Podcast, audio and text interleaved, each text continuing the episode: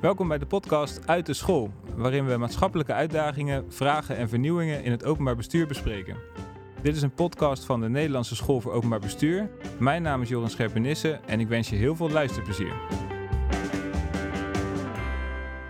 Van The Voice of Holland tot Mark Overmars bij Ajax. Deze en vele andere voorbeelden van grensoverschrijdend gedrag op de werkvloer hebben geleid tot veel meer bewustzijn over dit onderwerp en wat het is om een veilige werkomgeving te hebben. Daarmee is ook de rol van de vertrouwenspersoon in organisaties veel meer in beeld gekomen.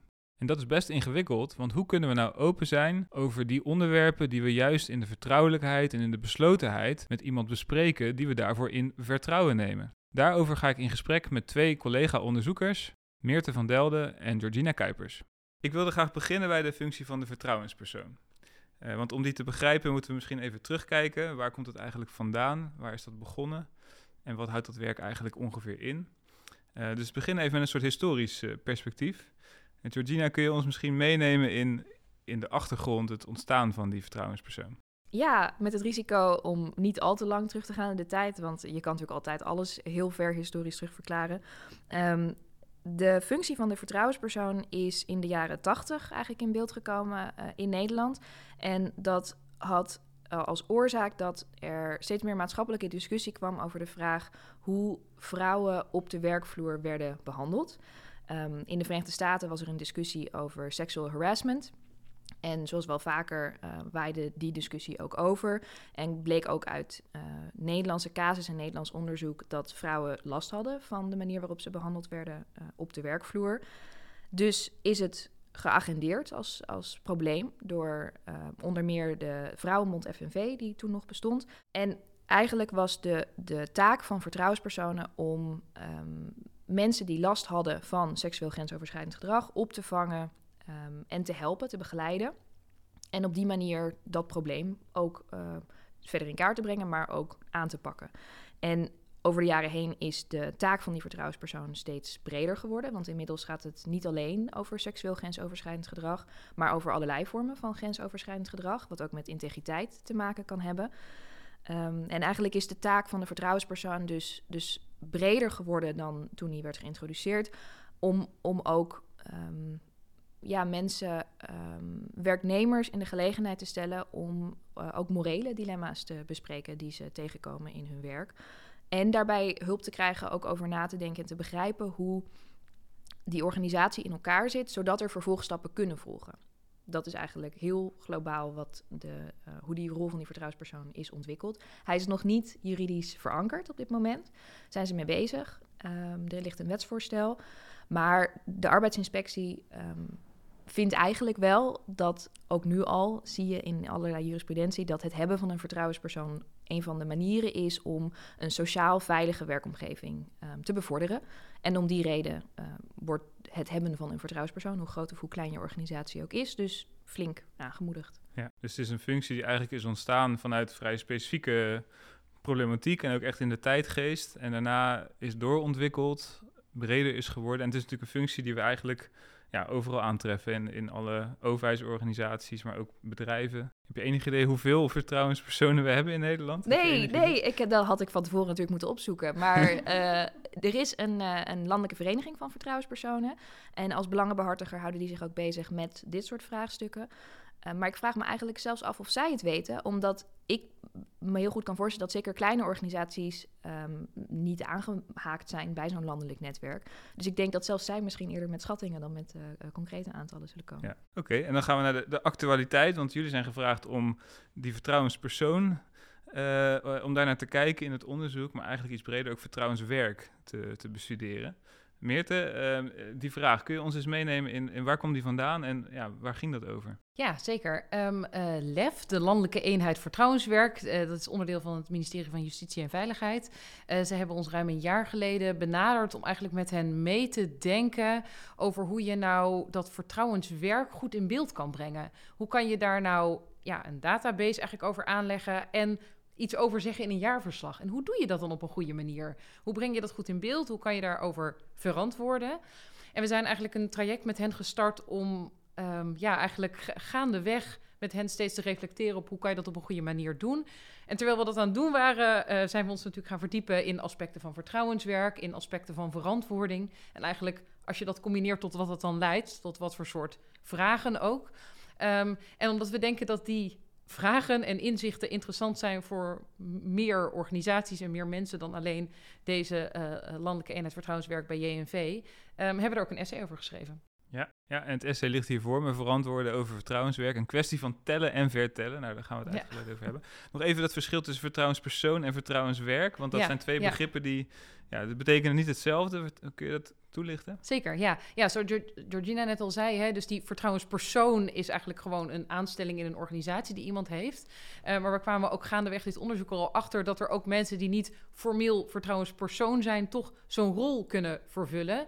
Dus ons idee zou zijn, is dat vertrouwenswerk eigenlijk breder is dan alleen datgene wat de vertrouwenspersoon doet. Dus je kan best een keer in zo'n rol komen zonder dat je formeel vertrouwenspersoon bent. Dus het vertrouwenswerk is eigenlijk al het werk dat vertrouwenspersonen doen en mensen die een vergelijkbare rol uh, vervullen. Ik kan me voorstellen uh, dat als je dit onderzoek gaat doen, dat je, uh, je begint aan de ene kant blanco. Je gaat je verbazen over de wereld waar ben ik in terecht gekomen.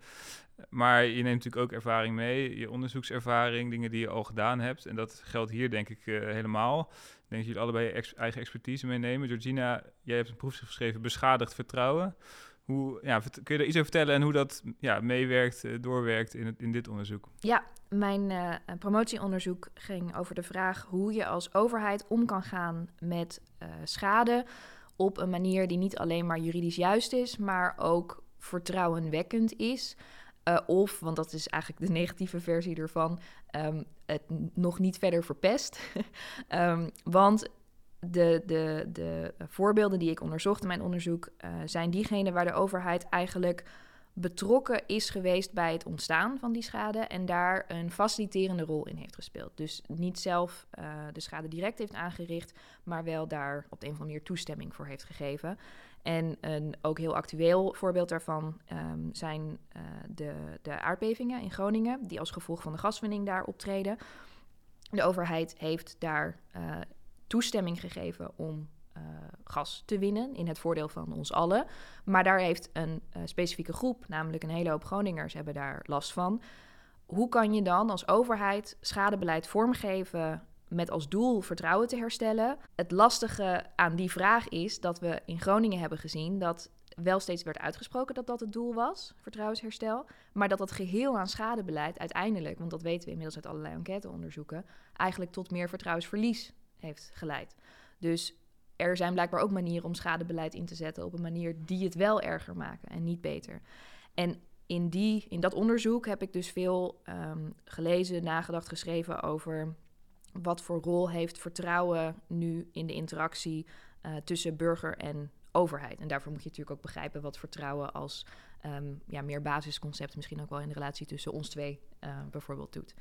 Um, op, in, op dat vlak heb ik me dus veel eh, bezig gehouden met het thema van vertrouwen. Um, en, en daar... hoe vertaal je dat naar de functie van vertrouwenspersoon? Want dat is misschien weer net een andere invulling van het begrip vertrouwen. Precies, ja. Uh, ik vind het mooi daaraan dat je hebt uh, vertrouwen in iemand iets in vertrouwen vertellen. Dat betekent natuurlijk iets over de relatie die je uh, onderling hebt. En dat heeft te maken met vertrouwelijkheid. En dat is een, een thema waar we later ook nog terug op zullen komen. Want uh, verwacht ik, want dat zit in het essay uh, voortdurend, komt dat naar voren.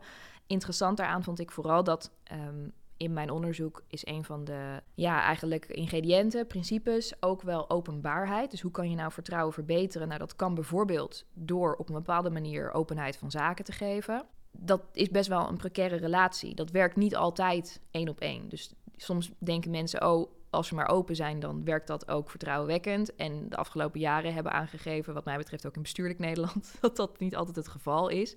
Het is niet uh, um, een, een panacee, maar is ook een titel van uh, een boek.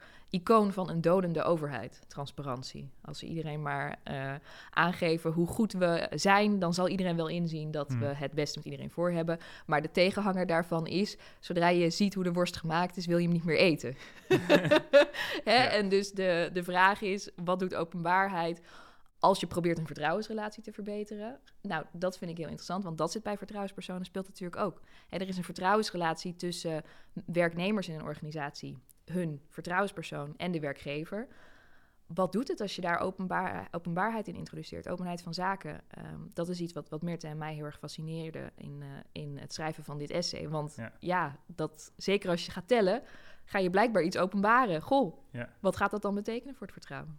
Dit is een, denk ik een centraal onderwerp in ons gesprek. De, die ja, schijnbare tegenstelling tussen dingen openbaar maken, in de openheid kunnen bespreken en aan de andere kant vertrouwelijkheid. En er is toch vaak het beeld, als het openbaar is, dan is het eerlijker, dan komt, ontstaat er meer vertrouwen. Maar dat blijkt toch best wel een moeilijke relatie te zijn soms. Ja. Oké, nou dat, dat gaan we meenemen, want dat, dat zit denk ik heel sterk verbonden aan het vertrouwenswerk. En aan de andere kant ja, kun je denk ik ook niet zeggen, we houden alles binnen kamers, uh, we gaan niks vertellen over dit nee, werk. Precies, of dat werkt ook weer niet zo vertrouwenwekkend.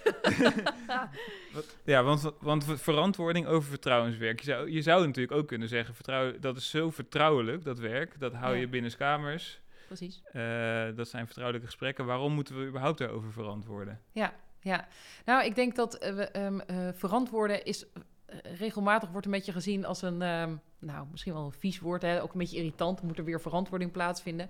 Maar verantwoording kan natuurlijk ook heel nuttig zijn als het gaat over uh, eigenlijk ja, effecten meer inzichtelijk maken. Hè? Doen we nou de goede dingen en doen we de dingen goed, zeg maar. Daar denk ik, als ik even een bruggetje naar een ander onderwerp mag maken. Um, we hebben hier vanuit de NSB ook eerder onderzoek gedaan hè, naar verantwoorden over bijvoorbeeld ondermijning, ondermijnende criminaliteit. En daar is de, is de link misschien iets duidelijker te leggen tussen. Um, het is heel ingewikkeld om daar verantwoording over af te leggen. Want hoe moet je dat überhaupt doen? Als je aan tien mensen vraagt wat is ondermijning, dan krijg je tien verschillende antwoorden. Dus hoe kunnen we überhaupt de effecten in beeld brengen van een aanpak daarvan, als we geen precies met elkaar weten waar we het over hebben? Maar het is natuurlijk buitengewoon nuttig om met elkaar na te denken over hoe, wat voor effect hebben nou de dingen die we doen? En datzelfde geldt voor vertrouwenswerk. Dus zijn nou de dingen die we daar proberen te doen met elkaar, hè? eigenlijk de de werksituatie voor die individuele medewerker, maar ook voor de organisatie als geheel verbeteren, leiden die nou tot dingen die we ook willen? Hè, en uh, terug naar die ondermijning. Um, wat daar denk ik uh, heel interessant was, en dat is ook wel een parallel met dit onderzoek, is dat eigenlijk blijkt dat gewoon, gewoon tussen aanhalingstekens, dingen gaan tellen heel ingewikkeld is. Als je nadenkt over drugsvangsten bijvoorbeeld, die staan altijd groot in de krant. Um, hè, dan hebben ze weer zoveel, ik weet niet hoeveel kilo uh, gepakt. Terwijl, dan kan je denken, nou, effectief beleid. Maar als je kijkt naar de prijs bijvoorbeeld van drugs op de internationale markt, dat heeft er amper effect op. Hè, dus waar kijken we nou naar? Nou goed, en we hebben toen in dat onderzoek met de politie nagedacht over een soort van vorm van rijker verantwoorden, waarin je naast cijfers eigenlijk ook verhalen gebruikt en beelden gebruikt. Dus niet alleen maar tellen, maar ook vertellen. En daar is direct ook weer de link met dit onderzoek. Hè. Hier, daar zullen we straks denk ik ook nog wel op komen, zeggen wij ook eigenlijk naast dingen tellen, bijvoorbeeld gesprekken, die zijn natuurlijk behoorlijk telbaar, zou je ook heel veel moeten vertellen omdat eigenlijk tellen niet, niet genoeg is, zeg maar. Dus om terug te komen op jouw vraag. Um, waarom niet alleen maar, zeg maar beslotenheid en, en uh, vertrouwelijkheid? Waarom ook de eigenlijk de openheid die bij verantwoording past. Ja, ik denk dus ook wel om te kunnen leren met elkaar en eigenlijk om dat vertrouwenswerk en datgene waar het naar streeft te kunnen verbeteren. Ja, en je geeft gelijk even een inkijk in jouw eigen onderzoeksachtergrond. Hè, veel gedaan ook met verantwoording en complexe vraagstukken en dan zeker ondermijning. Ja, een prachtig voorbeeld denk ik van iedereen denkt bij uh, grote drugsvangsten, nou we zijn heel effectief bezig, maar wat is eigenlijk de impact uh, daarachter? Ja. Nou, dat zijn twee perspectieven die jullie volgens mij allebei uh, meenemen. Um, maar laten we even goed kijken van wat is nou de puzzel? Hè? Want jullie krijgen een vraag over verantwoording, over, over vertrouwenswerk. Wat maakt dat nou een spannende vraag? Hè? Want je zou kunnen zeggen, nou ja, tel gewoon het aantal gesprekken mm. of, of uh, uh, meld uh, wat de belangrijkste onderwerpen zijn en dan, en dan ben je er wel. Maar wat, wat, maakt het, wat maakt het spannend voor jullie? Nou, misschien zit dat wel in de, dat onderscheid, of eigenlijk de relatie tussen dat woord vertrouwenspersoon en vertrouwenswerk al wel. Want je zegt net, en Meerte zei ook, je zou het aantal gesprekken kunnen tellen. Maar daar hebben Meerte en ik ook uh, over, over gehad. Het lastige is natuurlijk, wanneer is iets een gesprek? En dat klinkt als een heel filosofische vraag. maar ik bedoel daarmee, als jij uh, werknemer bent in een organisatie, en het is een vrij kleine organisatie, 20, 30 mensen. En er werkt één persoon en die is ook vertrouwenspersoon, maar die doet er ook van alles naast. Is dan elke keer dat jij een gesprek hebt met die persoon, die dus ook vertrouwenspersoon is, maar misschien ook een duo-functie heeft en dus ook, uh, weet ik het, uh, uh, af en toe koffie ergens neerzet, is dan elke keer dat je die, met die persoon een gesprek voert, een gesprek? Moet die persoon daar dan een soort kalendertje van gaan bijhouden? Ik heb een keer met deze persoon gesproken. Goh, dat zou best wel veel gedoe opleveren. Dus vertrouwenswerk En een, een betrouwbare, vertrouwenwekkende vertrouwenspersoon zijn, is waarschijnlijk meer dan datgene wat je um, hard kan maken. Meerte zegt ook wel, hè, cijfers klinken vaak hard. Hè, cijfers, dan hebben we, uh, hebben we iets harde om aan... cijfers worden dan gevraagd. Harde cijfers worden gevraagd, heb je iets om aan, aan vast, uh, vast te pakken. Ja. Maar dat is eerder vastklampen dan dat het echt een handvat Precies. is wat je verder helpt. Nou, en ik denk wat betreft die puzzel hè, waar jij naar vraagt, die begon voor ons misschien nog wel één stap eerder, namelijk bij de vraag waar jij net ook mee begon: wat is vertrouwenswerk? Welke functies hebben we het hier eigenlijk over? Als we dan willen nadenken over verantwoorden van vertrouwenswerk, waar kijken we dan eigenlijk naar? Dus onze stap 1 was ook om eens te duiken in die verschillende functies van die vertrouwenspersoon, de verschillende kwaliteiten eigenlijk. En vervolgens zijn we inderdaad bij de vraag gekomen: Oké, nu willen we, willen we, nou ja, wil vooral LEF, maar ook andere organisaties willen daar mogelijk over verantwoorden. En inderdaad, dan kom je bij vragen als: um, uh, wat wordt er eigenlijk geteld? Oké, we tellen gesprekken. Maar wat is een gesprek? Is dat als ik formeel zeg: Oké, ik benader jou nu als vertrouwenspersoon en dan ik wil graag nu een gesprek? Dat gebeurt natuurlijk. Maar wat als ik nou net niet die ruimte wil inlopen, maar ik zie iemand bij het koffiezetapparaat staan en ik schiet je even aan? Wel als vertrouwenspersoon zijnde is dat dan ook een gesprek?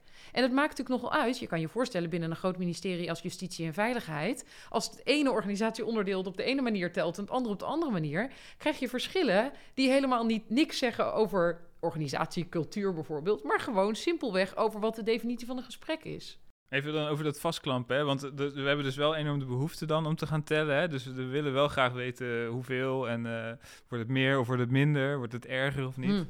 Maar tegelijkertijd is het dus heel subjectief. Eh, de, de, de, gesprekken bij de koffiemachine zijn misschien nog wel belangrijker dan, dan, dan de formele gesprekken of hele belangrijke signalen. Maar ja, ja hoe, hoe, is er dan een soort standaardisatie voor te maken? Of? Nou ja, wat we hebben geprobeerd, en Meerte zei al, eigenlijk doken wij zelf ook in de vraag: wat is dan een vertrouwenspersoon?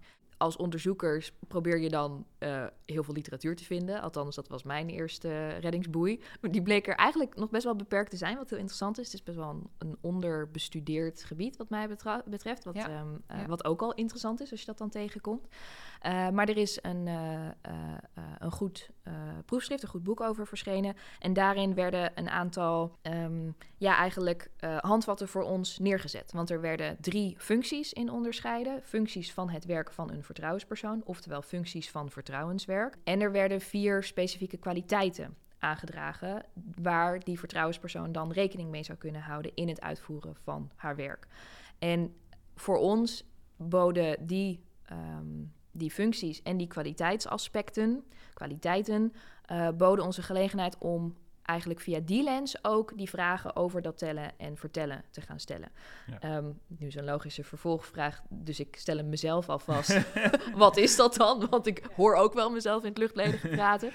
Um, de functies van vertrouwenswerk, de eerste is de meest logische, namelijk support.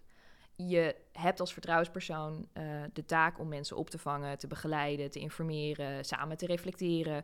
Um, daar waar het gaat om vormen van ongewenst gedrag. Vervolgens is er ook nog een functie die uh, gaat over het voorlichten van medewerkers. Want één, mensen moeten jou weten te vinden. Dus mensen, je kan mensen voorlichten over jouw eigen functie als, als vertrouwenspersoon. Maar er zijn ook allerlei dingen waar je niet over gaat als vertrouwenspersoon. Dat kan dus ook betekenen dat voorlichting is... Goh, als je dit of dit probleem hebt, eh, moet je bijvoorbeeld naar de bedrijfsarts. En dat zal die persoon natuurlijk ook zeggen, uh, als, die bedrijfspersoon zal dat ook zeggen als die voor je voor de neus staat. Maar het is handig als een organisatie begrijpt, als de medewerkers in een organisatie begrijpen, wat voor verschillende vormen van opvang en support er zijn. Dus support en voorlichting zijn de eerste twee. En dan de derde is eigenlijk waar wij ook om de hoek komen kijken, want dat is namelijk de signaleringsfunctie. Vertrouwenspersonen hebben door hun positie in de organisatie ook de mogelijkheid om eigenlijk meer generiek, hè, want het blijft natuurlijk vertrouwelijk, uh, te rapporteren over gesprekken, uh, trends te signaleren. Um, en op die manier ook een link te zijn voor de werkgever met hoe gaat het er nu aan toe op de werkvloer, op basis van wat ik als vertrouwenspersoon meekrijg. En dat kan een trend zijn, maar dat kan ook natuurlijk zo zijn. Signalering kan ook betekenen: ik heb één casus gekregen en die is zo erg daar ga ik al iets mee doen. Hè? De signalering hoeft niet per se een, een, een afstandssituatie ja. uh, Volgens mij komen we daar ook bij die, die vraag van waarom uh, dat verantwoorden zo belangrijk is. Jullie schrijven in het essay heel mooi, de vertrouwenspersoon is een soort thermometer van de organisatie. Hm. Dus die, die kan eigenlijk aangeven van eh, wat is de temperatuur, hoe erg is het, waar, moet je, waar moeten we op letten Ja. op geaggregeerd niveau. Nou, en daar komt denk ik ook dat idee van dat van verantwoorden, van tellen en vertellen om de hoek. Namelijk, hey, je wilt toch een soort beeld kunnen. En jij ging, ging natuurlijk vroeg net over, de, over die zachte cijfers eigenlijk. En ik denk dat een van de punten die wij proberen te maken in ons essay is dat je dus over al die vragen eigenlijk die achter tellen vandaan komen, ehm, heel open zou moeten zijn. En in ieder geval zou moeten bespreken. Dus bijvoorbeeld de vraag: wie telt er nou eigenlijk? En hoe tel je? En wanneer tel je? En door dat wel met elkaar eh, te bespreken en, en dus open op tafel te leggen, worden je cijfers in ieder geval iets vergelijkbaarder. Om nog een ander voorbeeld te geven, ehm, bijvoorbeeld eh, de vraag wie telt er eigenlijk? Kijk, dus je kan het aantal gesprekken tellen, maar het is dan ook wel heel aardig om te zeggen waar ging dat gesprek ongeveer over, hè? Op, op hoog abstractieniveau, zodat het niet herleidbaar is. En eh, stel je nou voor, er komt iemand binnenlopen bij de vertrouwenspersoon en die roept: Ik word gediscrimineerd. En vervolgens doet diegene zijn of haar verhaal en denkt die vertrouwenspersoon. Nou, ik hoor hier toch vooral een eh, zeer ehm, ingewikkelde relatie met de leidinggevende. Ik zeg maar wat. Ehm, wat schrijf je dan op? Hoe tel je dit dan? Tel je dus, oké, één gesprek, dat is duidelijk. Maar is dat dan een gesprek dat ging over discriminatie... of een gesprek dat ging over een verstoorde relatie met een leidinggevende?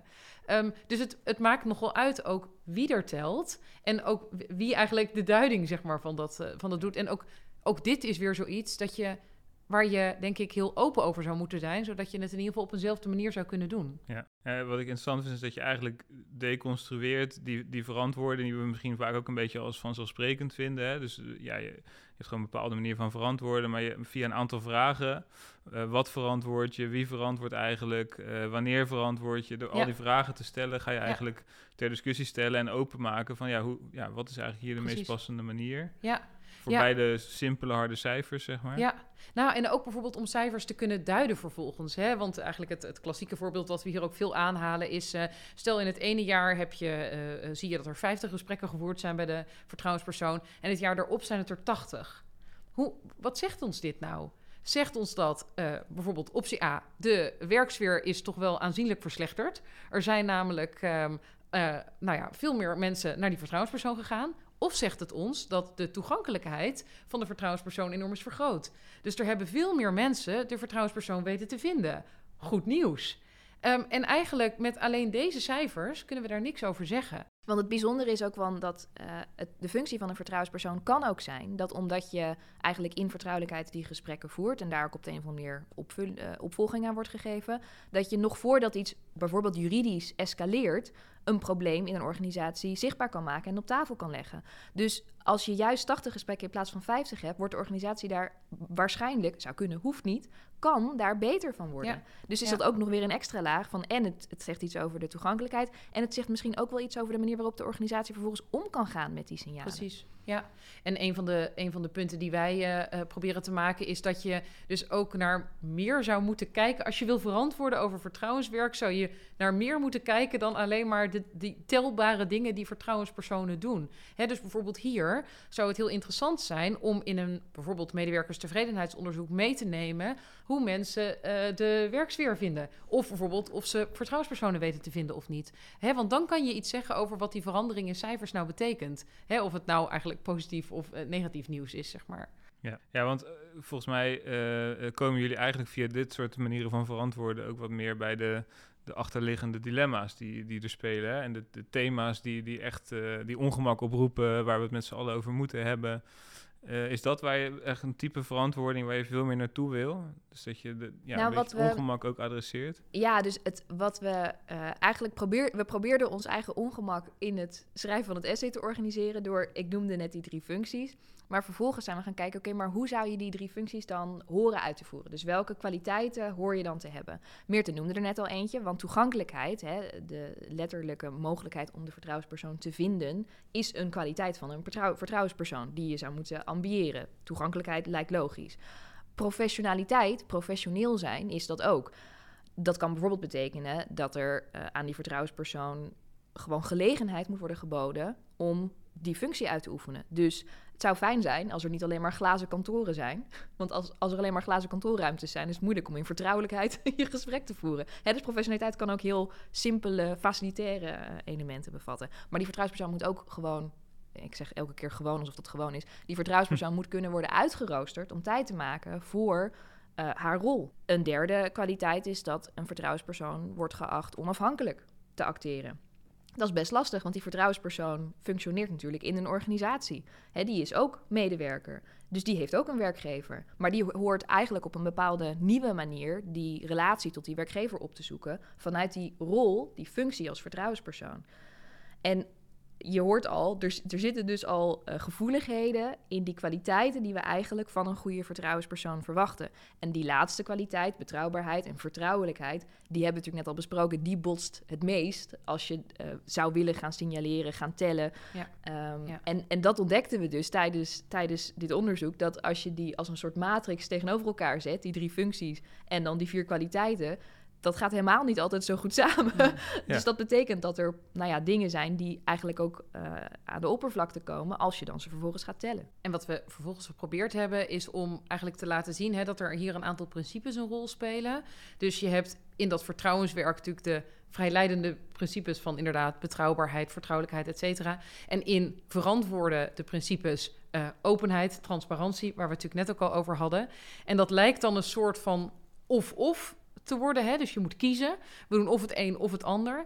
En wat wij proberen te laten zien is dat het eigenlijk en-en is. Hè? Daarom mhm. spreken we ook over paradoxen, schijnbare tegenstelling. Het, dit lijkt een tegenstelling. En naar ons idee hoeft het dat nou juist net niet te zijn. Uh, en kan het elkaar zelfs versterken. Ja.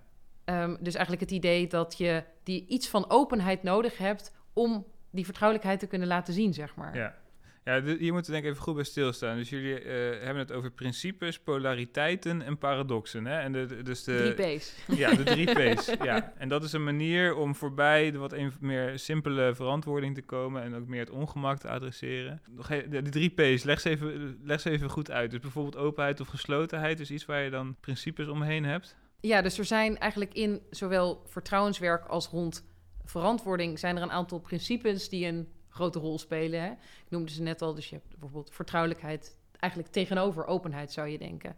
Dus dat zou kunnen leiden tot ja, die polariteiten waarin het lijkt alsof het of-of is. Dus we moeten kiezen. Hè? Zijn we nou open of zijn we, doen we dit helemaal vertrouwelijk? Ja. Ehm, en dan ga je kijken of je dan weer dan het een en dan het ander kan doen. Die komen ook breder voor. Hè? Dus in, in andere organisaties of in andere uh, ministeries wordt bijvoorbeeld ook wel eens gesproken of uh, het moet goed of het moet snel of zo. Hè? Dus je hebt ook wel eens dat soort... Dat soort het is het een of het ander. Het een of het ander. En het, het, wordt, het is ook heel logisch om in, in of-of te denken. Precies. Want het is heel helder, ook voor ons allemaal. Zo van, nou, hè, het is, we kunnen ook niet alles tegelijk, dus we moeten kiezen. Dat is dan een beetje de, de gedachte. En wij proberen juist te laten zien dat het in dit geval eigenlijk een... en dan komt de derde P om de hoek kijken, een paradox is. Dus een schijnbare tegenstelling. Het lijkt of-of, maar het is en-en. Als je wil verantwoorden over vertrouwenswerk... dan heb je zowel die beslotenheid, zeg maar, nodig, de vertrouwelijkheid, als de openheid. En dat niet alleen, het zou zelfs het kunnen versterken, zeg maar. Dus door tot op zekere hoogte open te zijn over vertrouwenswerk, zou je eigenlijk juist die vertrouwelijkheid kunnen versterken. Nou, ik weet niet of ik nog te volgen ben. um, maar het, ons idee zou zijn, is dat je eigenlijk... Um, misschien met benaderbaarheid is dat ook een, een, voorbeeld. Dus je wil als vertrouwenspersoon benaderbaar zijn. Dus daar, tot, om daar tot op zekere hoogte open over te zijn, kan je eigenlijk juist die benaderbaarheid vergroten. door te laten zien dat mensen bij jou binnen kunnen lopen, dat, je dan, dat, dat, dat er vervolgens een vertrouwelijk gesprek kan plaatsvinden, ben je tot op zekere hoogte eigenlijk open over wat je doet. Um, maar vergroot je juist die, um, die vertrouwelijkheid en in dit geval dus ook de benaderbaarheid. Mooi, ja, dus, dus door de openheid te vergroten, dan word je benaderbaarder en kun je ook beter in de vertrouwelijke setting gesprekken voeren en die functie vervullen. Hoor ja. ik hem zo goed? Ja. ja. Ja, als je het dus op, en dat is natuurlijk het lastige, en daarom uh, zitten wij zo op dat vertellen en niet alleen het tellen. Als je dat dus op een, op, een, op een manier doet en naar buiten brengt, die mensen ook het gevoel geeft. Want Meerte zei net ook al, hè, in tevredenheidsonderzoeken kan je ook eigenlijk het functioneren van een vertrouwenspersoon deels uh, benaderen. Want wat de rest van de werkvloer, wat werknemers zelf ervaren, is heel belangrijk voor de manier waarop die vertrouwenspersoon vervolgens haar werk kan doen. Dus de, de, in de eye of the beholder, hè, de ervaring van de werkvloer, die is heel belangrijk. Juist ook als het gaat om dit soort paradoxen. Want als zij het niet zien, als zij in de, de of-of zitten, bijvoorbeeld door de manier waarop het verhaal wordt verteld, ja, dan krijg je wel die, die, die scherpe botsing. Ja. Dan krijg je die polariteit die echt zichtbaar wordt. En het zit hem eigenlijk ook in meer groter, zeg maar, in het idee van verantwoorden over vertrouwenswerk, denk ik. Door eigenlijk, doordat je laat zien wat er misgaat in organisaties, wil je juist de situatie verbeteren. Ehm, maar daar komt ook weer dat vertellen enorm ja. om de hoek, omdat hier een enorme spanning zit. Want voor je het weet, is onder andere ook in de medialogica, is het verhaal alleen maar wat er misgaat. Terwijl wat je natuurlijk wil, is laat, door te laten zien dat er dingen misgaan, eigenlijk de situatie verbeteren. Hè, leren van je fouten Precies. zou ook goed Ja. zijn Ja. voor een sociaal veilige werkomgeving. Iedereen moet fouten kunnen maken. Dus dat betekent ook dat je daar dan in openheid Ja. over moet kunnen praten. Dat betekent dat bijvoorbeeld ook als we kijken naar eh, een aantal van de schandalen die in de publiciteit zijn gekomen, hè, zoals de boosuitzending. Eh, z- zijn dat dan ook momenten waarop je zegt, dan zou je, zouden vertrouwenspersonen misschien wel meer naar voren moeten stappen? Want ook daar zie je dan aan de ene kant, ja, zijn zij aan de achterkant van de, van de vertrouwelijkheid. Ja. Maar aan de voorkant is dat misschien ook wel een heel belangrijk moment om iets te laten zien van het werk of, of te delen wat er, dat dit misschien wel het topje van de ijsberg is.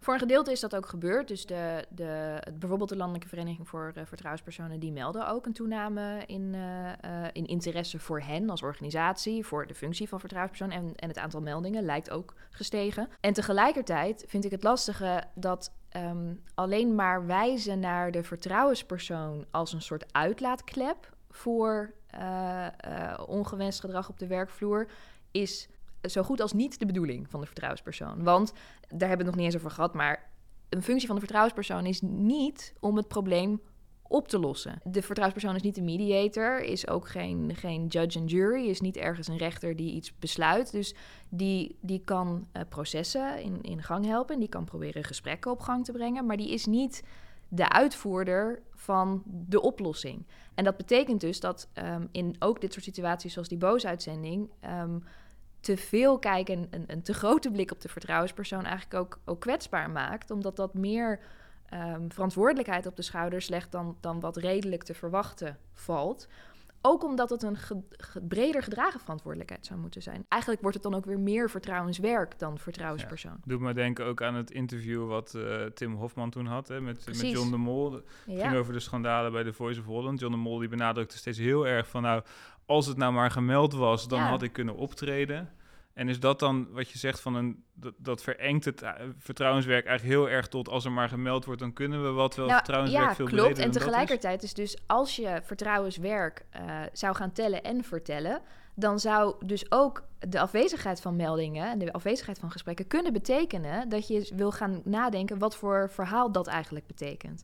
Dus onze inzet is dat door dat tellen en vertellen ook, ook een nul is een interessant cijfer. Precies. Begrijp je wat ik bedoel? Dus, Ja. dus eh, dat had misschien daar ook kunnen helpen als mensen zich de vraag hadden gesteld: goh, maar wat betekent het eigenlijk dat we wel een vertrouwenspersoon hebben en dat er geen mensen naartoe komen? Is dat. eh, betekent dat de veilige werkomgeving? Of, of misschien moeten we het dan wel doorvragen? Dat kan. Ja. Maar dan, is dus, dan kan verantwoording dus heel erg misleidend zijn. Dan, eh, dan kunnen, kan het dus best zijn dat als je alleen maar kijkt naar het aantal meldingen...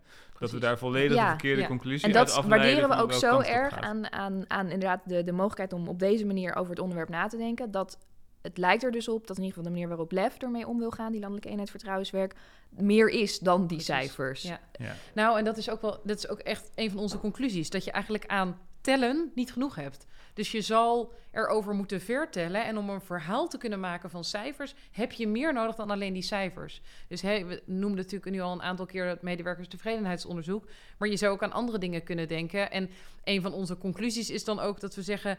Ehm, eigenlijk zou je die kwaliteiten van vertrouwenswerk moeten verankeren in de de waarde van de organisatie en de cultuur van de organisatie. Zodat je inderdaad niet de situatie krijgt waarin je zegt: we hebben de vertrouwenspersoon en daarmee is het opgelost. Omdat het nou juist zo gaat om een veilige werkomgeving. Ja, zo komen we, we zijn een beetje, denk ik, zoekend eh, zo het gesprek doorgegaan eh, van, zeg maar, wat is vertrouwenswerk eigenlijk naar ehm, eh, hoe verantwoord je daarover, dat je dat ook hè, gaat deconstrueren, de, de, de principes eh, eh, en de paradoxen, zeg maar, die daaruit komen. Ik kan me voorstellen dat jullie ook op die manier zoekend, onderzoekend bezig zijn geweest, maar komt voor mij steeds helder naar voren dat ja, verantwoorden is niet alleen leuk voor en na, maar het kan ook echt de verkeerde beelden oproepen. En dus het is echt belangrijk om stil te staan bij uh, het verhaal wat er verteld wordt over vertrouwenswerk, welke beelden dat oproept, welke conclusies mensen eraan verbinden. Ja, ja en als, als ik mag aanvullen, en het is dus ook een kans.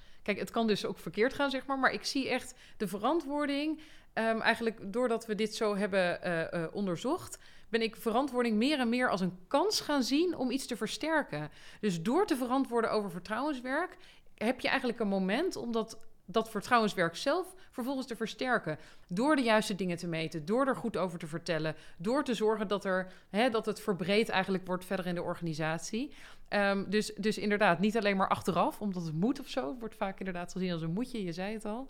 Uh, maar ik denk echt dat het een kans kan zijn, juist om het te versterken. Want het bijzondere vond ik ook wel dat het het kan ook de vertrouwenspersonen zelf, die doen ook in vertrouwelijkheid hun eigen werk. Hè? Dus die, het zou zomaar kunnen als je niet oppast, dat zij ook onderling zich eigenlijk als soort eindselgangers voelen. En als je nou dit als basis kan bieden, hè, dat is ook weer die, die kans die meer te uh, benadrukt.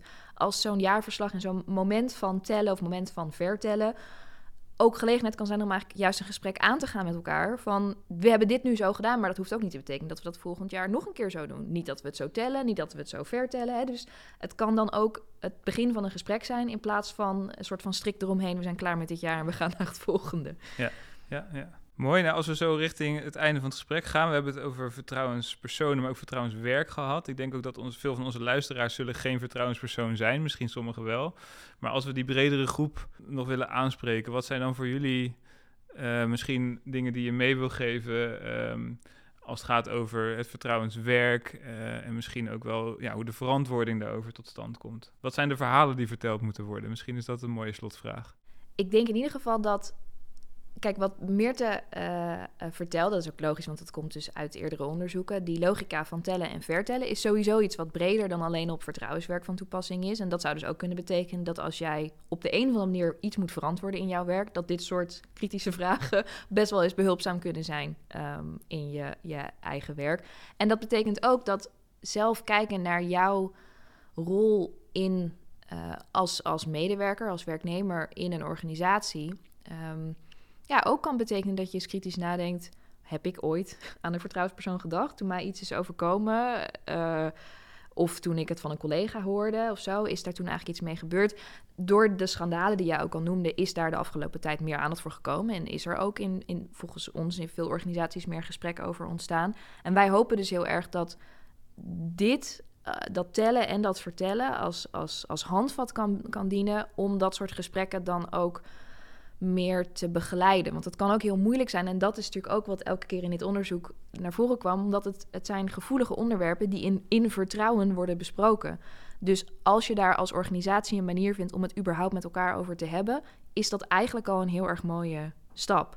Niet genoeg, maar wel eh, veel meer dan wat er eerst gebeurde. Um, en als je dan denkt dat we in de jaren tachtig zijn begonnen, is het toch, nou ja, zijn we in 40 jaar ergens terechtgekomen waar we iets verder zijn dan ja. eerst. Ja. Ja. En ik, jij, jij vraagt hè, welke verhalen moeten verteld worden. Ik zou eigenlijk zeggen, um, welke vragen moeten er gesteld worden? Mm. Dus we moeten een heel aantal vragen gaan stellen over cijfers en wat erachter zit. Maar ook vragen over hoe doen we dit als organisatie? Zijn inderdaad de kwaliteiten zoals wij ze hier hebben gezien rondom vertrouwenswerk, hoe zien wij die terug? Hoe brengen wij die in kaart? Hoe kunnen wij die als organisatie versterken? En hoe kunnen we eigenlijk daarbij de vertrouwenspersoon nou ja, gebruiken of een rol geven, zeg maar. Uh, en dat vervolgens weer in beeld brengen. Dus ik, ja, ik zou vooral uh, mensen... Uh, ik hoop dat mensen hierdoor geenthousiasmeerd zijn om meer vragen te stellen. Meer vragen stellen. Nou, dat is een mooie afsluiter, denk ik. Ik wil jullie ontzettend bedanken voor het, voor het gesprek. Dankjewel, dankjewel.